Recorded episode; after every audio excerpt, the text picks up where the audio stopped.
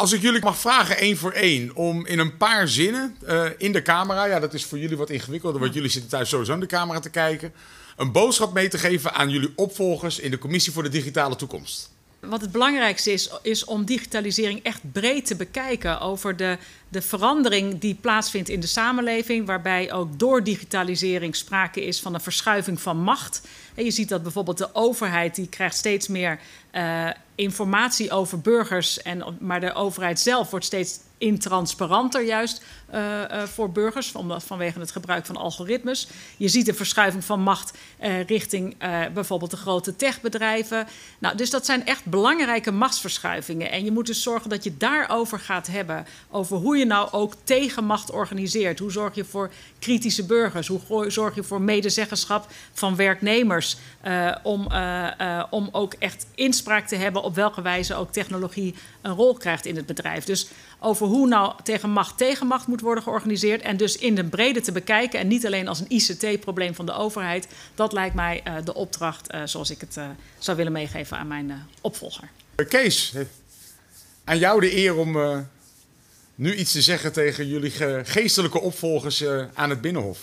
Nou ja, ik denk dat, het, ehm, dat er inderdaad hele grote uitdagingen liggen. En ik, ik denk dat het vooral zaak is om niet te vergeten dat als je in de Tweede Kamer zit, uh, dat je dan de verantwoordelijkheid hebt om ervoor te zorgen dat, dat belangrijke ontwikkelingen die, die, die mensen en, en, en de maatschappij uh, raken, uh, dat je daar echt serieus werk mee maakt. En ik denk dat het heel belangrijk is dat je, dat je als, als, als, als Tweede Kamerlid begrijpt dat, dat technologie en digitalisering en data, dat die dus inderdaad hele grote implicaties hebben. Dus het is zaak om om daar echt heel goed naar te kijken en ervoor te zorgen dat, dat duidelijk is dat, dat, dat technologie niet neutraal is, dat digitale uh, systemen vaak hele grote consequenties hebben en, en, en daar goed op te letten. Tegelijkertijd ook de kansen te blijven aanjagen. In die zin heb ik aan Jan altijd wel een goede uh, compaan gehad, omdat, omdat ik altijd wel geneigd ben om vooral de laatste jaren te zien dat er grote bedreigingen zijn. En, en ik denk dat er ook goed aan de kansen gewerkt uh, moet worden.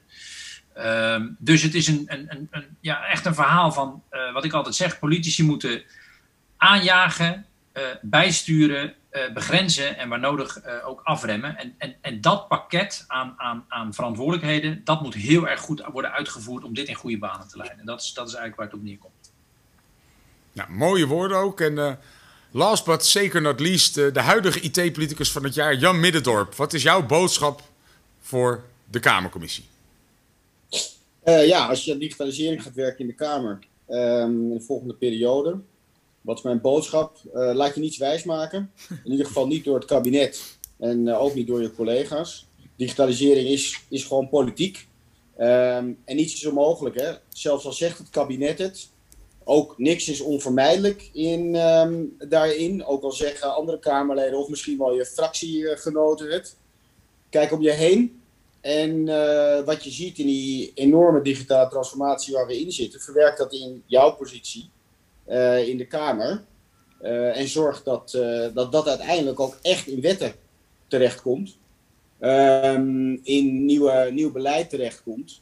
Maar ja, dan ben je dus als Kamerlid echt aan het werk, aan het vormgeven van de samenleving. En daarvoor ben je daar.